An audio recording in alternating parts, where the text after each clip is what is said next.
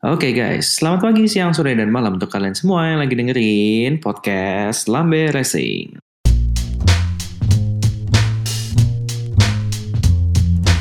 Kalau misalkan Brexit itu no deal, Mercedes itu sampai mau keluar dari F1 gila.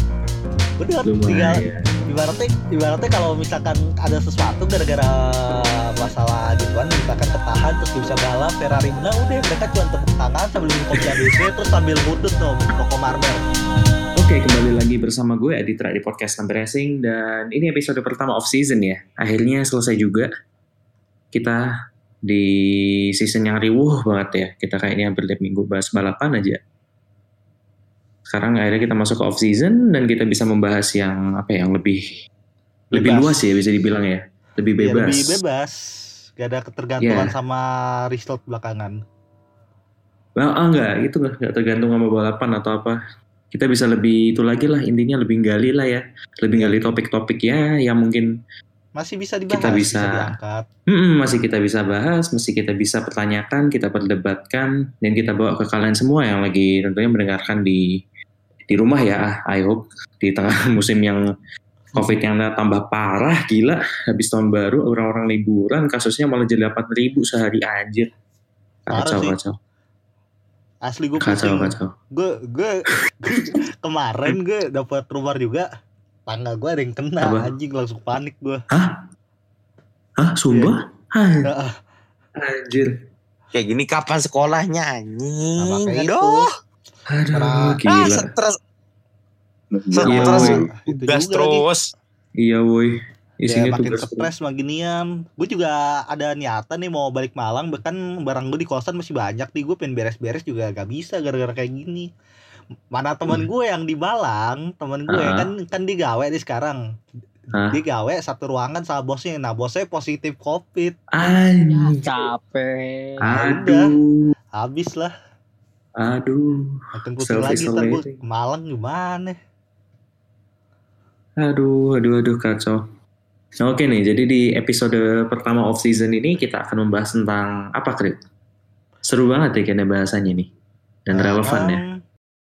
Kayaknya gak seru-seru banget Maksudnya kalau di episode yang sekarang ini berbeda dibandingkan episode-episode sebelumnya yang kita bahas Kan yang sebelum-sebelumnya kita bahas mungkin masih kaitannya sama motorsport Entah itu bahas pembalap Apa bahas balapan gitu Atau regulasi segala macem Kali Mm-mm. ini kita mungkin ngebahas sedikit keluar lah Sedikit keluar sekalian mengeksplor Tapi masih berkaitan dengan motorsport Di mana seperti yang kita tahu per per tahun ini per awal tahun ini akhirnya Inggris sudah mulai fix ya udah mulai jalanin yang namanya Brexit udah fix resmi keluar dari Uni Eropa Waduh. Aduh, ini politik banget sih. Halo anak HI. ini gak ada anak HI ya di sini ya? nggak ada Inilah calon Nih sebelum kita mulai nih, sebelum kita mulai dengar-dengar itu ya si Albon setelah di kick dari Red Bull, dia katanya mau apa ya pelariannya ke DTM. iya Yo, lagi ada lowongan kosong akhirnya ditarik dia ke DTM dia sama si teammate-nya dia si Lawson yang driver Formula 3 Hmm, itu di timnya sendiri ya, di timnya Red Bull ya, bukan kayak kayak tim lain gitu. ya macam gitulah. Ya masih satu family lah ya. nah, Terus sekarang ini juga lagi ada berlangsung itu ya Dakar ya, lagi hot-hotnya nih. Lagi on Yang lagi mimpin? jalan Bukan Carlos Sainz ya? Sempat mimpin cuman akhirnya gak Zaman Geser. tuh? Iya. si Atia soalnya kan Carlos Sainz di hari ketiga dia sempet hilang waktu setengah jam gara-gara GPS error sempet nyasar nyasar. Anjir. ada yang bisa ditahan pakai Waze tuh. Pakai Waze tuh pasti. kagak kayak kuotanya dia pakai tri deh kayak sinyal hilang langsung nyasar untung nyasarnya nggak ke Gang Berlan aduh ada apa nih bawa Berlan nih Eh lu jangan main-main lo sama penguasa Berlan. Anjing. Terus ada apa lagi dah minggu ini? Dakar, Albon. Yang paling kabar terakhir Oh, sih yang nggak Lando Norris. si Lando Norris. Oh iya Lando Norris. Ya kita ucapkan semoga cepat sembuh untuk Lando Norris yang positif COVID ya. Sekarang lagi Wes. self isolating di Abu Dhabi. US. Dia pembalap F1 keberapa yang kena COVID ya? Ketiga. Empat. Apa Empat. keempat? Pembalap Tiga. keempat. Oh ya keempat. Tapi si, si Lando Norris ini dia kenanya yang benar-benar bukan masa reaktif tapi dia juga not feeling well juga kasusnya sama kayak si Lance entah si Lance Stroll kalau mungkin yang Oh lebih iya. yang Bergejala ya? lebih iya ada bergejala dia not feeling well juga simpelnya Gila. sama kayak Rossi sih sama kayak Rossi soalnya kan Hmm. Rossi juga ngerasa gak enak badan pas awal awalnya Kehilangan itu juga pengecapan dan rasa. iya kayak indranya kayak kayak hambar gitu terus juga kayak kurang peka jadi Untung off season. iya untung Iya, official untuk off season. nah orang-orang kena Iya. covid masalah peka-pekaannya hilang termasuk peka kegebetannya gak ya yang hilang Aduh. Ah. Ya. Aduh. Gak tahu dah gua. Mungkin yang pendengar ada yang dokter bisa ngasih jawabannya ya. Mention Twitter atau di Instagram kami @lamberesing bisa kasih tahu ya. Tolong betolong ini mah. Iya, tolong ya. Oke nih, daripada berlama-lama kita langsung masuk aja dah ke topik. So, Oh, iya. Eh, gimana nih, Krida? Oh iya, bentar, bentar, bentar. Yang masa COVID ada juga yang tinggalan masalah bosnya Gracie ini. Kan kemarin lagi benar-benar hot-hotnya si bosnya Gracie ini. Ini kan dia kena COVID sampai kabarnya dia sempat koma, tapi alhamdulillah perlahan nah dia mulai stabil dan Coba. sekarang juga udah mulai stabil sih Oh, iya. gara-gara Sampai COVID. koma anjir. Kabarnya sampai Oh, koma. Sekarang Oh, kabarnya udah stabil sih belakangan. Aduh, untunglah. GWS. Ya udah dong, eh, dengan berita yang tidak enak itu ya, kita akhiri aja deh update-nya. Dan kita langsung lompat ke pembahasan kita. Gimana Krida? Membahas apa kita hari ini? Tentang Brexit. Aduh, simple sih kita bahasannya sebenarnya lebih ke Brexit sama how bagaimana Brexit bekerja dan kenapa Brexit ini berkaitan sama motorsport ini efeknya kayak gimana kayak gitu sih. Nah, kita berarti mungkin bahas background dulu kali ya, enak ya? Kayak ki- apa sih Brexit itu? Terus sejarahnya gimana? Kenapa sih kok tiba-tiba Inggris kayak memutuskan untuk ah ya udahlah gue cabut aja dari Uni Eropa. Gimana gimana? Aduh, bahasannya kok jadi politik ya tiba-tiba bahasannya deh berubah 180 derajat tadi motorsport tiba-tiba jadi agak sedikit ngarah ke politik. Politik internasional actually. Di bahasannya anak HI banget nih kayaknya. Iya nih HI banget nih anjir. Aduh.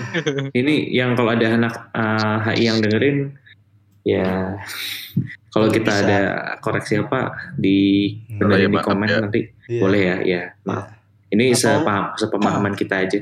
Iya. Karena Atau kita mungkin kayak bahas backgroundnya dikit lah. Nanti motorsportnya nanti. Kita bahas dulu. Gimana sih Brexit itu?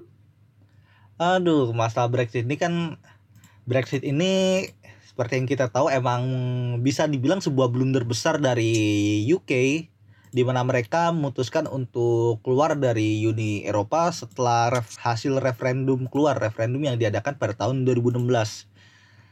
Referendum Jadi apa? kan referendum bisa dibilang istilahnya referendum iseng-iseng kayak gesekan voucher ale-ale. Anjir. asli itu asli itu iseng-iseng. Anjing. Bocah yang gabut, Eh, Inggrisnya anjing. gabut. Inggrisnya gabut. Boris Johnson gabut, Boris Johnson Bukan- bukan kerjaan, dari gabut. Boris Pas itu masih Theresa May enggak? Iya, Oh iya, Theresa May, iya. Itu zamannya Cameron, itu zamannya. Cameron. Itu zamannya Cameron. Pak. Ini kembali ya dari Cameron dulu sih. Jadi ini zamannya Cameron. Jadi simpelnya kan awalnya ini kan tarik mundur dulu nih dari sejarah Inggris. Inggris ini masuk ke Uni Eropa tahun 1970-an, tahun 73. Pas itu kan sempat timbul pro kontra, akhirnya ada referendum. Nah, hasilnya ini tiba-tiba kok setuju. Ya udah akhirnya masuk. Tahun 75 udah fix ada amandemen segala macam dan beberapa tahun kemudian setelah Inggris masuk ke Uni Eropa sebenarnya beberapa politikus sudah memikirkan kalau Inggris ini kalau misalkan mereka masuk ke Uni Eropa akan menimbulkan suatu ketergantungan kepada Uni Eropa. Dan akhirnya orang-orang dari anggota-anggota partai Serikat Buruh dan juga Partai Buruh dan juga anggota Partai Konservatif di Inggris ini memiliki pandangan Euroskeptik dan berlanjut juga ke tahun 90-an di mana anggota-anggota Partai Konservatif mulai bener-bener bisa dibilang mulai kayak gencar mulai masalah Euroskeptik bersama Partai UKIP. Buset. Abis itu skip langsung ke tahun 2013-14 pas itu kan lagi jadi di Inggris ini ada dua pemilu yang pemilu Inggris sama pemilu referendum. Nah di pemilu referendum ini partai konservatif ini eh, ngegandeng UKIP kayak bareng-bareng gitu sekalian buat bahas pemikiran mereka masalah keluar dari Uni Eropa, Inggris keluar dari Uni Eropa. Salah satu bisa dibilang janji politiknya si Cameron ini yaitu ngadain referendum. Referendum masalah keluar dari Inggris apa enggak. Makanya pas diadain referendum dari awal dari awal aja udah kayak cuman sebatas janji doang. Gak ada planning segala macam asli dan lalu di tahun 2014 Jadi cuma yang dibazarin gitu doang awal-awalnya. bukan bajir sini kayak janji politik aja sih sebenarnya. Oh iya bukan maksudnya janji politik tapi terus didengung-dengungkan gitu. Jadi kayak kayak Iya. apa ya? Terus ada di atas gitulah. Iya, jadi kan pemilu referendum habis itu di tahun 2014 ini ada pe- pemilu parlemen Uni Eropa. Jadi di tahun 2014 ini di pemilu parlemen Uni Eropa di luar dugaan partai UKIP ini bisa menang atas partai-partai lainnya seperti partai buruh dan juga partai Tory segala macem. Nah, akhirnya mulai nih si UKIP ini digandeng sama konservatif dari situ buat ngejalanin ya tadi itu masalah pengen ngadain referendum walaupun sebenarnya referendum ini udah kayak undian ale-ale kayak coba-coba berhadiah gitu ya udah langsung skip ke tahun 2016 akhirnya referendum ini mulai jalan nah di Uh. referendum referendum ini kan cuman masalah voting kayak pas dulu yang sebelumnya ramai ini yang masalah Skotlandia cabut dari Inggris apa enggak dan hasilnya juga kalau gak salah pas itu hasilnya masih stay ya kalau gak salah Skotlandia jadi hasilnya ini kalau yang Skotlandia ini di tahun 2014 juga kemerdekaan Skotlandia, Skotlandia gak mau 55% ini mengatakan enggak. Itu padahal yang referendum serius. Nah, ini mulai nih yang referendum ngadi-ngadi nih, referendum ala-ala undian ale-ale mulai diadain tahun 2016. Ya seperti biasa, masalah kayak gini kan ibaratnya kayak pemikiran orang-orang boomer lah sebenarnya mereka kayak Hmm. membanggakan wah Inggris ini negara yang besar pernah sukses Iya. bahkan di kampanyenya masalah Brexit ini si Nigel Farage dia ngebawa-bawa semangat masa lalu Inggris kayak wah kita bisa menang perang dunia dua kali kita bisa bertahan padahal kalau mau Oke. jujur Inggris ini dia bisa bertahan di perang dunia karena bantuan dari sekutu-sekutunya bukan karena kekuatan Iya. mereka Iya. aduh ini nih kayak ini nih itu semangat semangat kalau di Indonesia tuh yang semangat semangat yang yang kita harus berdiri dengan kaki sendiri gitu Nah, kan ayo Indonesia iya. negara besar masa nggak bisa produksi mobil sendiri nah ayo masa ini pembalap Indonesia nggak bisa masuk Formula One sih gitu dukung Hmm. dong pembalapnya ini udah ada yang masuk nih satu gitu kan dukung setengah mati udah mau jeleknya kayak apa udah dukung intinya Em, itu sampai Formula em. 1 lima tahun proud di situ iya Waduh. em. Self proud moment. Overproud moment. SVD juga Inggris ini kalau masalah overproud nih terlalu parah anjing banget overproudnya. Main bola bisa overrated parah. Kita tahu lah kayak apa overproudnya Ya, bukan rahasia umum. Iya. tahu Makanya lah kar- karena pemikiran overproud kayak gitu dari voter-voternya juga mayoritas orang-orang boomer juga yang ikut. Nah, keluarlah hasilnya tek hasilnya 51% ini bilang setuju kalau Inggris cabut dari Uni Eropa dari Brexit sekitar Uh. 51,89% meninggalkan Uni gila Eropa. ya bener-bener ya. Mantap 51 habis. loh. itu bener-bener kayak lah momen anjir Sebuah lah momen beneran lah momen. Masa Iya, itu lah momen asli sih ngira-ngira. Iya, lah momen sih lah momen Kayak, banget. lah 51 persen gitu 51 persen main keluar lah gitu kan yang 49 kayak Kok cabut? terus Hmm, dulu makanya tuh kan- kayak inget gak sih yang kayak sempat diadain voting ulang tapi nggak dianggap voting ulang ya Iya. Mm-mm. Iya. Iya Soalnya kan? udah Yang dipakai yang pertama apa ya kalau nggak salah? Ya, yang pertama soalnya saking Padahal kedua tuh kagetnya kan. jelas-jelas kayak kayak jadi gede banget yang nggak pengen keluar tapi nggak valid jadinya hasilnya. kayak tiba-tiba Hmm. aja bahkan masalah sebelum dari ini juga sebelum dari referendumnya ada eh dari pemilihan UKIP bisa tiba-tiba dapat parlemen eh udah di luar dugaan banget aneh banget. Apalagi ya voting ini voting dari hasil Brexit kok tiba-tiba anjir hasilnya malah jadi orang setuju semua kok bisa gini? Dan ternyata permasalahannya itu karena udah terlanjur semangat semangat overproud kenegaraannya dia mulai muncul. Well, ya well. pemikiran boomer ya udah Terus akhirnya fix keluar tahun 2019 ya, I think. Eh Maksudnya Sudah deal apa? Kayak maksudnya yaudah fix kita keluar dari Uni Eropa dengan Iya. masa transisi satu tahun. Nah, transisinya di 2020 jadi asli udah Iya. di 2020 asli udah jalan cuman karena covid akhirnya diperpanjang gitu masa transisi buat ngurusin masalah hukum segala macem masalah trade segala macem yang ribet-ribet sampai dibakasi batas sampai akhir tahun sampai Desember jadi per Januari tahun ini udah jalan Jadi sudah clear. Uh, UK udah keluar dari Eropa mulai tahun ini. iya dengan Yes. hasil referendum iseng-iseng ini juga asli nih selama bisa dibilang empat tahunan lah empat tahunan ini orang-orang di parlemen Inggris yang berkaitan sama ngurusin Brexit pusing banget. Masih gak ada yang nyangka juga dari hasil referendum iseng-iseng gesek-gesek berhadiah ibaratnya alih-alih digesek bukan hasilnya malah keluarnya hadiah mobil PTP kan biasanya kalau kita gesek kan keluarnya kayak hasilnya coba lagi. Ini malah hadiah mobil anggapnya kayak gitu buat mereka bahkan pada panik terus juga si Boris Johnson juga kelihatannya pas hari-hari awal-awal dari setelah hasilnya keluar dia mukanya kayak kecil banget kayak anjing kok gini? Kayak muka-muka orang panik lah. Terus juga efek dari referendum ini tangga, ha- eh, setelah referendum hasilnya keluar kan David Cameron juga mengundurkan diri sebagai perdana menteri di Inggris.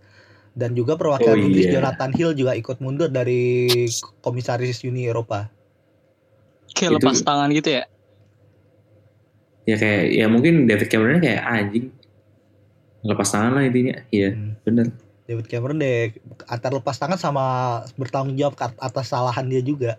Nah, oh iya dia nggak bisa mempertahankan Inggris kan. Iya. Ah iya. iya. Oke. Ini ini asli. Kalian pernah ngikutin The Crown nggak? Ini kalau masuk The Crown seru sih. Hmm. Tahu kan ini Netflix yang Iya. bahas kehidupannya Queen. Elizabeth. Hmm. Ini kayaknya seru Bahas. tapi kayaknya enggak deh gak bakal masuk. Hmm. Terus eh, efeknya apa dah ini? Efeknya Brexit nih ke Inggris overall lah kita singgung dikit deh. Apa coba eh, efeknya ke Inggris pros and cons-nya? Aduh, kalau pros and cons sih simple banget. Kalau misalkan dari pros-nya kalau dari berdasarkan kampanye yang mereka janjiin bakal naikin taraf hidup Inggris karena gak ada Iya. kait gak ada keterkaitan sama negara-negara lain terus Inggris bakal menjadi Iya, negara yang jadi lebih independen. independen. Iya, lebih independen. Inggris juga gak ada ketergantungan sama Uni Eropa. Menjalankan masalah Euroskeptisi juga berjalan. Terus aturan-aturan di Inggris pasti lebih independen bisa menyesuaikan dengan budaya-budaya mereka lah kayak gitu simpelnya. Cuman konsep Cons-nya- ini lebih banyak, lebih banyak konsnya dibandingkan plusnya. pound, jadi anjlok. Heeh. Mulai dari pound sterling anjlok lah apalah terus juga sampai masa tenaga kerjaan kompleks banget asli. Banyak banget nih efeknya Hmm. ke Inggris. Itu yang paling kerasa banget pertama di samping ekonomi sama trade yaitu masalah ke- ketenaga kerjaan. Masa kan mayoritas Nah. orang-orang di Inggris ini kan yang jadi pekerja jadi workernya kan orang-orang imigran. Ya. Dan orang-orang dari kebanyakan juga orang-orang Eropa kan. Nah dengan efektif ini keluar dari Uni Eropa kan berarti ini literally ya kayak kita tahu juga kalau dulu di Uni Eropa kan kayak boundaries antar negara tuh kayak nyaris nggak ada gitu kan. Iya. Kalau tinggal di Inggris mau kerja di Spanyol ya uts gitu kayak lu orang Iya. Itali mau kerja di Inggris ya uts gitu. Kalau sekarang kan karena dia sudah terpisah jadi ini benar-benar kayak lu harus apply visa untuk bekerja dulu ke Inggris. Iya. Nah, di masalah ini mungkin kita bisa langsung masuk aja nih ke efeknya ke motorsport gitu. Kan ini kita juga tahu kan, kayak contohnya di Formula One. Formula One tuh udah ada berapa tim ya? Tujuh ya? Tujuh tim home-nya di Inggris. Iya. Bukannya 6 ya? Enam apa tujuh? Ya mayoritas lah. Mayoritas. Ya lah. mayoritas lah kita bilang ya. Bisa ada dibilang mayoritas. tujuh sih. Tujuh, Bisa tujuh, tujuh. tujuh. Tujuh. Tujuh kan kalau nggak salah ada. Tujuh, tujuh, Nah, tujuh. yang yang nggak di Inggris tuh yang nggak di Inggris tuh Alfa Tauri. Dia di Faenza kan, di Faenza, Ya di Firenze, uh, Ferrari, Ferrari, sama De Pasi sama Sauber. Sauber, udah Ya udah Ya. tiga kan, tujuh berarti. tiga. Tiga. Ya literally kan ada tujuh tim. Nah dari kita kalau dari ketenaga kerjaannya sendiri ini gimana Krit efeknya? Ya yang pasti masalah visa kan udah pasti misalkan kayak apply. Contohnya kayak misalkan kalau pemain bola kan kalau dulu misalkan pindah transfer gitu di bola yang contoh gampangnya kalau pindah antar Uni Eropa segala macem lebih gampang lah. Kalau sekarang kan ribet apalagi ada kayak peraturan pembatasan masalah kayak kayak worker dari luar Inggris dibatasin misalkan kayak gitu terus juga kayak visa masuknya pasti ribet masalahnya ini berlakunya gak cuman buat pekerja luar dari luar masuk ke dalam tapi dari dalam masuk ke luar juga berpengaruh juga pasti Oh. harus ngurus juga buat visa Iya. Eropa Ya padahal padahal apa? eh, ya as we know juga Formula One tuh kan kayak karyawannya kan diverse banget ya background dan Iya. negaranya Iya. macam-macam. Pembalapnya juga macam-macam apa kewarganegaraan gitu kan. Pasti ini berefek banget dong. banget banget Gila sih. Kacau. Ya coba lu kayak Mercedes, kayak Mercedes, Mercedes tuh kalau nggak salah dia punya 23 kewarganegaraan deh. 23 Seluruh. warga negara berbeda dari semua karyawannya Mm, karyawan semua karyawannya kalau di itu ada 23 kewarganegaraan. Ya lu bayangin aja 22 apa negara. Yang 22 negara lain tuh gimana? Nah. kalau mau ya gimana ya? Ya pasti jadi lebih 22 ribet. ada Itu iya, kan udah- perorangan izinnya kan. Maksudnya iya Nah, perorangan gitu nih. iya pasti perorangan Misal satu personil tim ada 1000 22 negara kita anggap ya paling 300 ya lah minoritasnya lah. hmm. Nah itu udah ngurusin 300 orang ribet pak. Waktunya Wah, pak. gila. pasti Iya.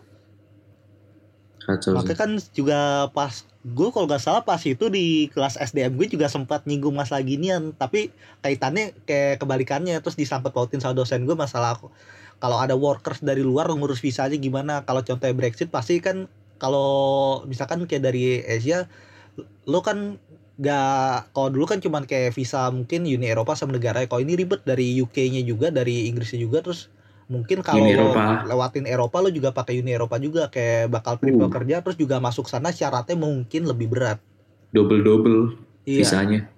Iya. Aduh, coba lu bayangin kayak ada orang Indonesia yang kerja. Di itu gimana ya dia? bakal pusing Aduh, ini dulu gue inget dulu gue apply scangan aja berapa minggu keluarnya ya. Aduh, ini harus ngurus dua kali lagi. Ngurus yang Inggris, ngurus yang scangan. Kacau. Terus, kalau terlepas selain dari keluarga negaraannya apalagi? Kayaknya logistik juga kena deh logistik harusnya kan. banget banget logistik kerasa banget Perpindahan Paling barang kan kerasa jadi kayak nggak leluasa gitu kan. Secara Iya. dia kan iya Antar negara Uni Eropa kan kayak tinggal keluar masuk aja gitu kan. biasanya harusnya gitu. Kalau ini ya bakal ada izin-izin lagi. Aduh. iya Aduh, Perizinan gila. lagi. Makan waktu lagi. iya Iya. Bayangin lo deh ngirim waktu mepet-mepet, taunya kena isu. Ada yang barangnya rusak lah. Sampai tahu kan. lain.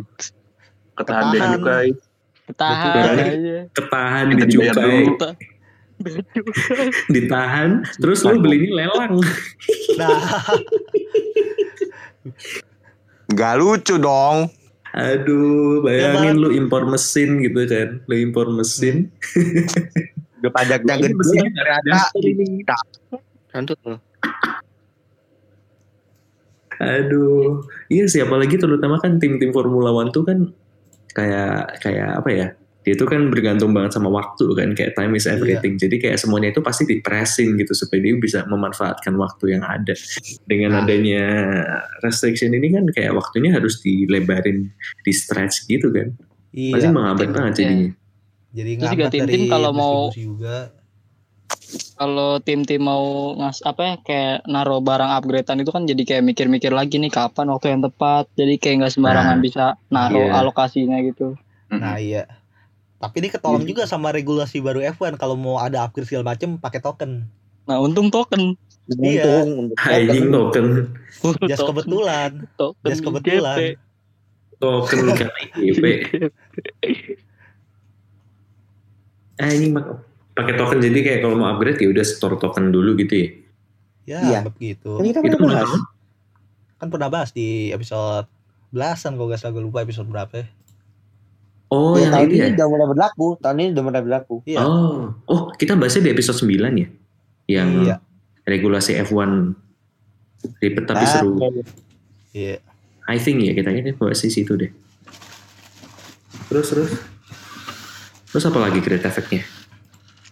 Naruh kerjaan kayak gitu terus juga kayak misalkan mau ngadain event pasti kerasa lah misalkan balap di Silverstone orang lagi luar pengen nonton pasti kerasa juga entah oh itu iya sih. MotoGP juga pasti kerasa juga lah maksudnya kan Oh iya, MotoGP ada gimana deh? ya kebet untungnya kan MotoGP ini kan bukan balapan yang heritage-nya bukan British oriented beda sama F1 kalau mereka kan MotoGP kebetulan mayoritas kan ramenya di daerah-daerah Eropa Selatan Eropa Barat gitu kayak Italia sama di Spanyol jadi Jepang. i- ya Jepang juga jadi lebih bebas lebih enak lah Hmm.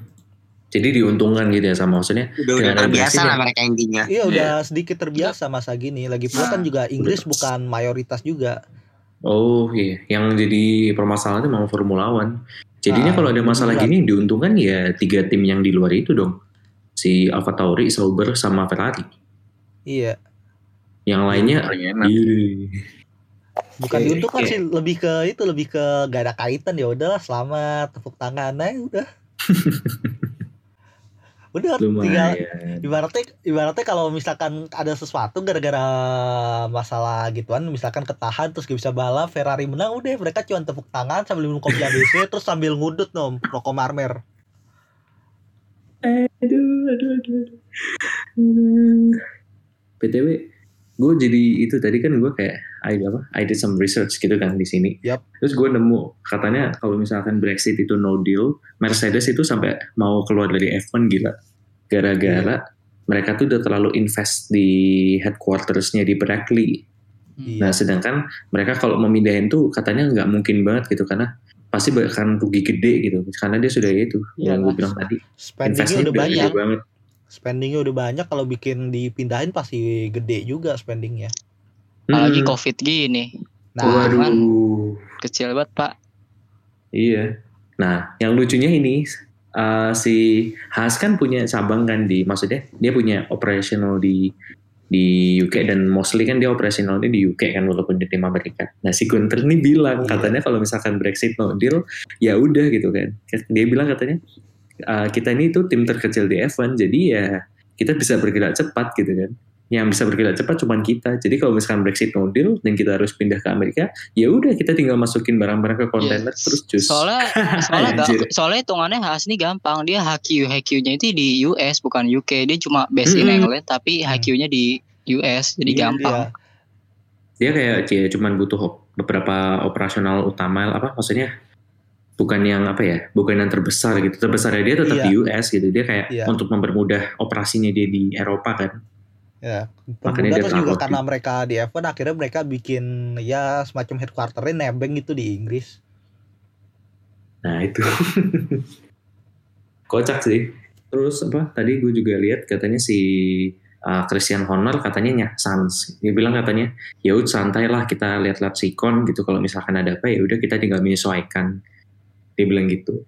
Nah yang Ya, lucunya nih si Bernie Bernie itu ternyata dia pro Brexit Bernie Ecclestone iya ya kan terus dia bilang iya terus dia iya tapi dia tapi dia bilang katanya itu gak akan ada efeknya ke Formula One gitu dia bilang gitu gila Anda salah. dia lebih salah Bernie tapi dia Bernie. iya tapi dia lebih bilang kayak gitu ke masalah bisnis di Formula One sih sebenarnya sama kayak ngadain Iya. F1 Iya.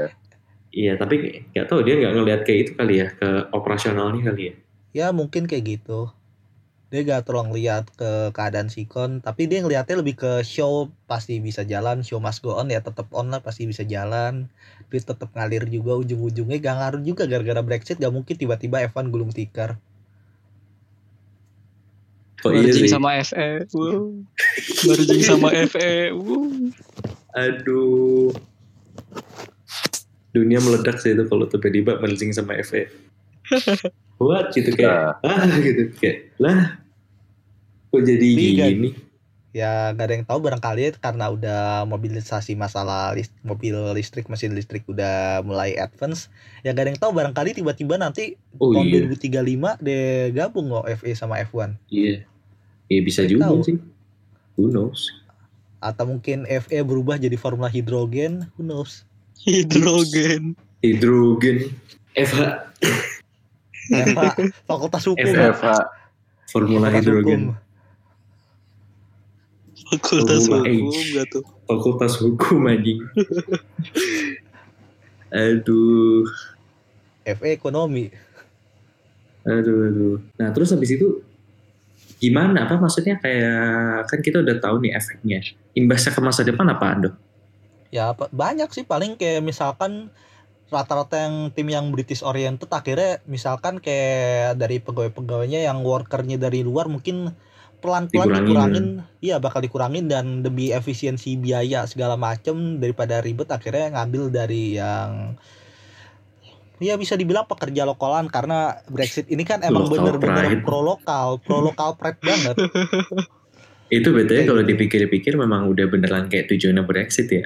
Membelah. Sangat Intinya- memberdayakan lokal.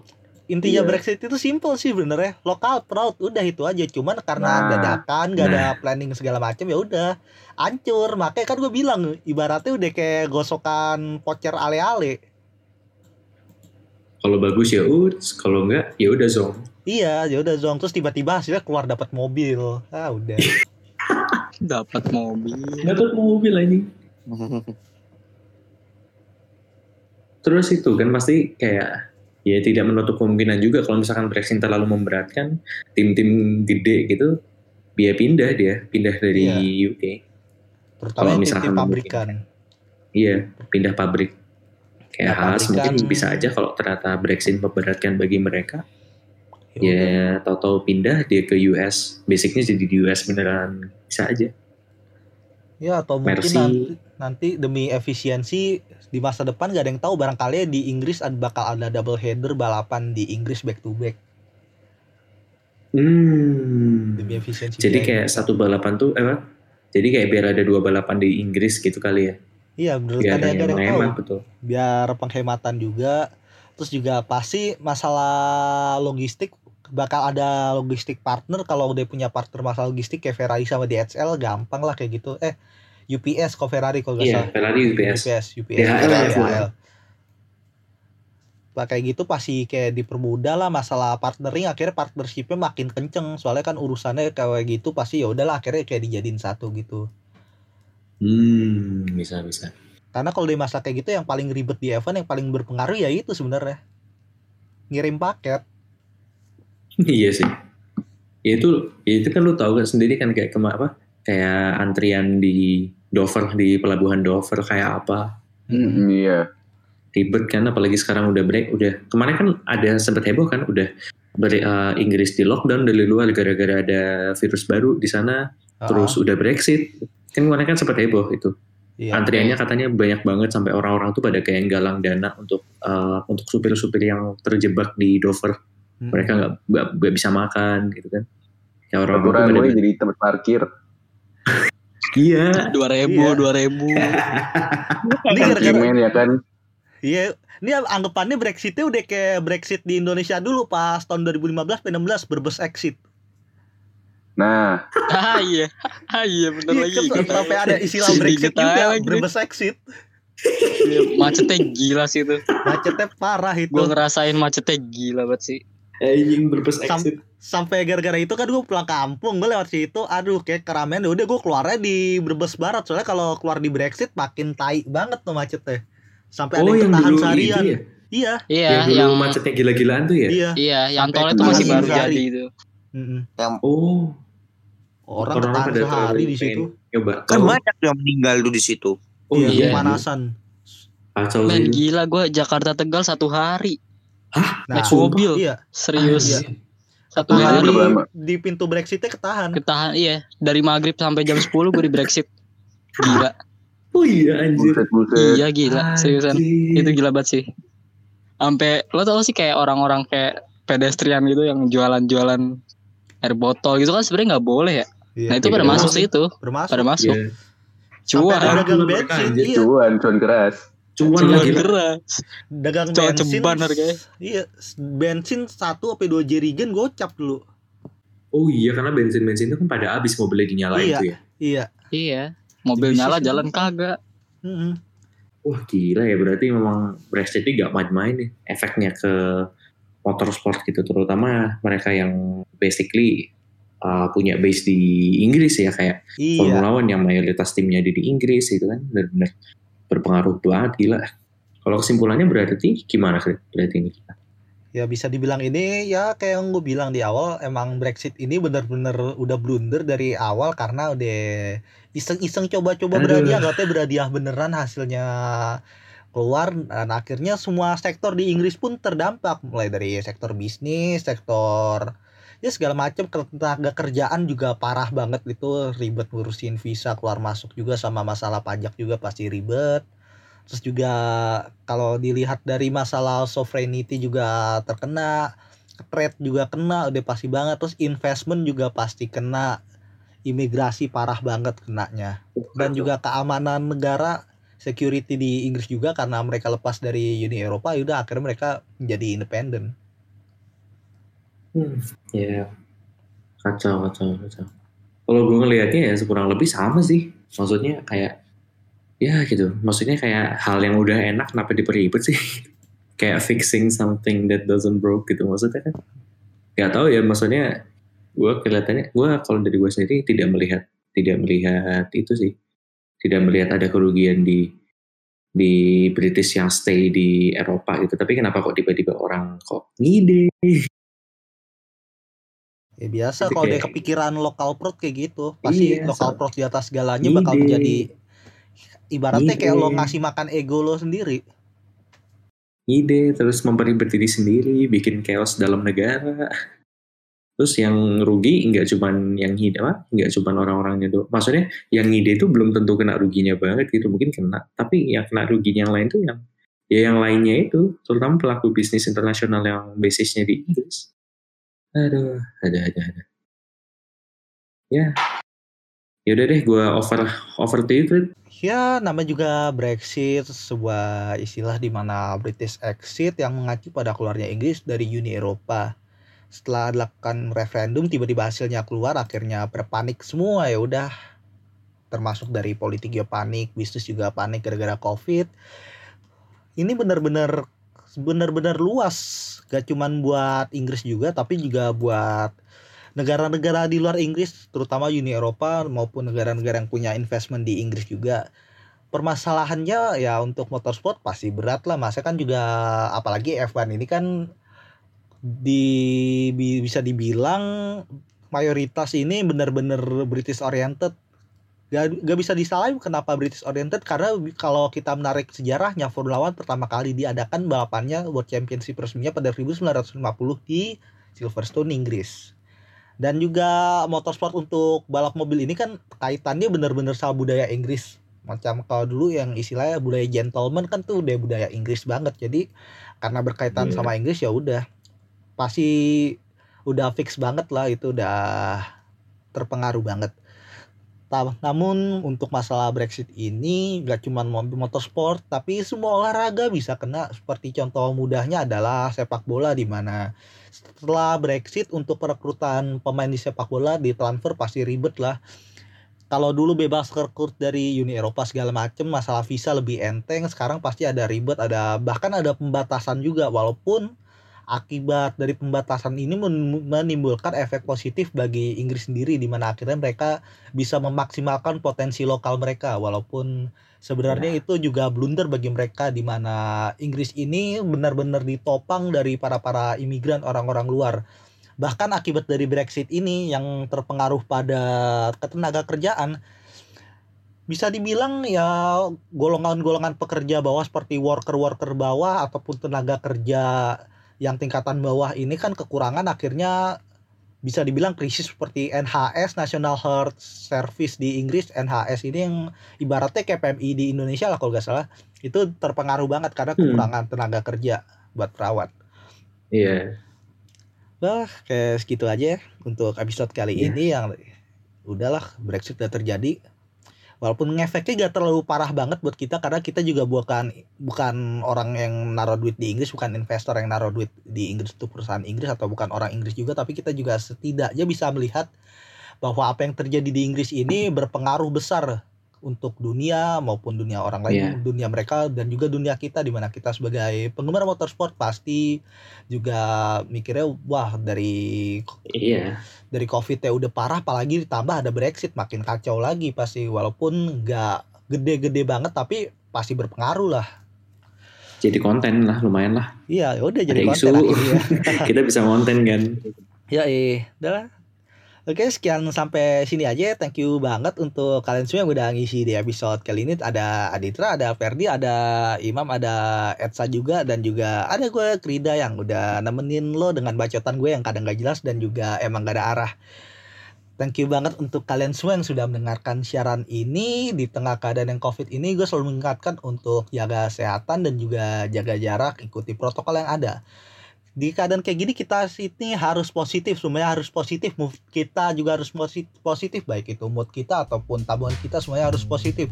Semuanya harus tetap positif kecuali hasil tes PCR maupun swab test COVID Anda atau hasil tes PKM dan pacar Anda. Sekian terima kasih. Gue Grida, cabut. Ciao. Ciao.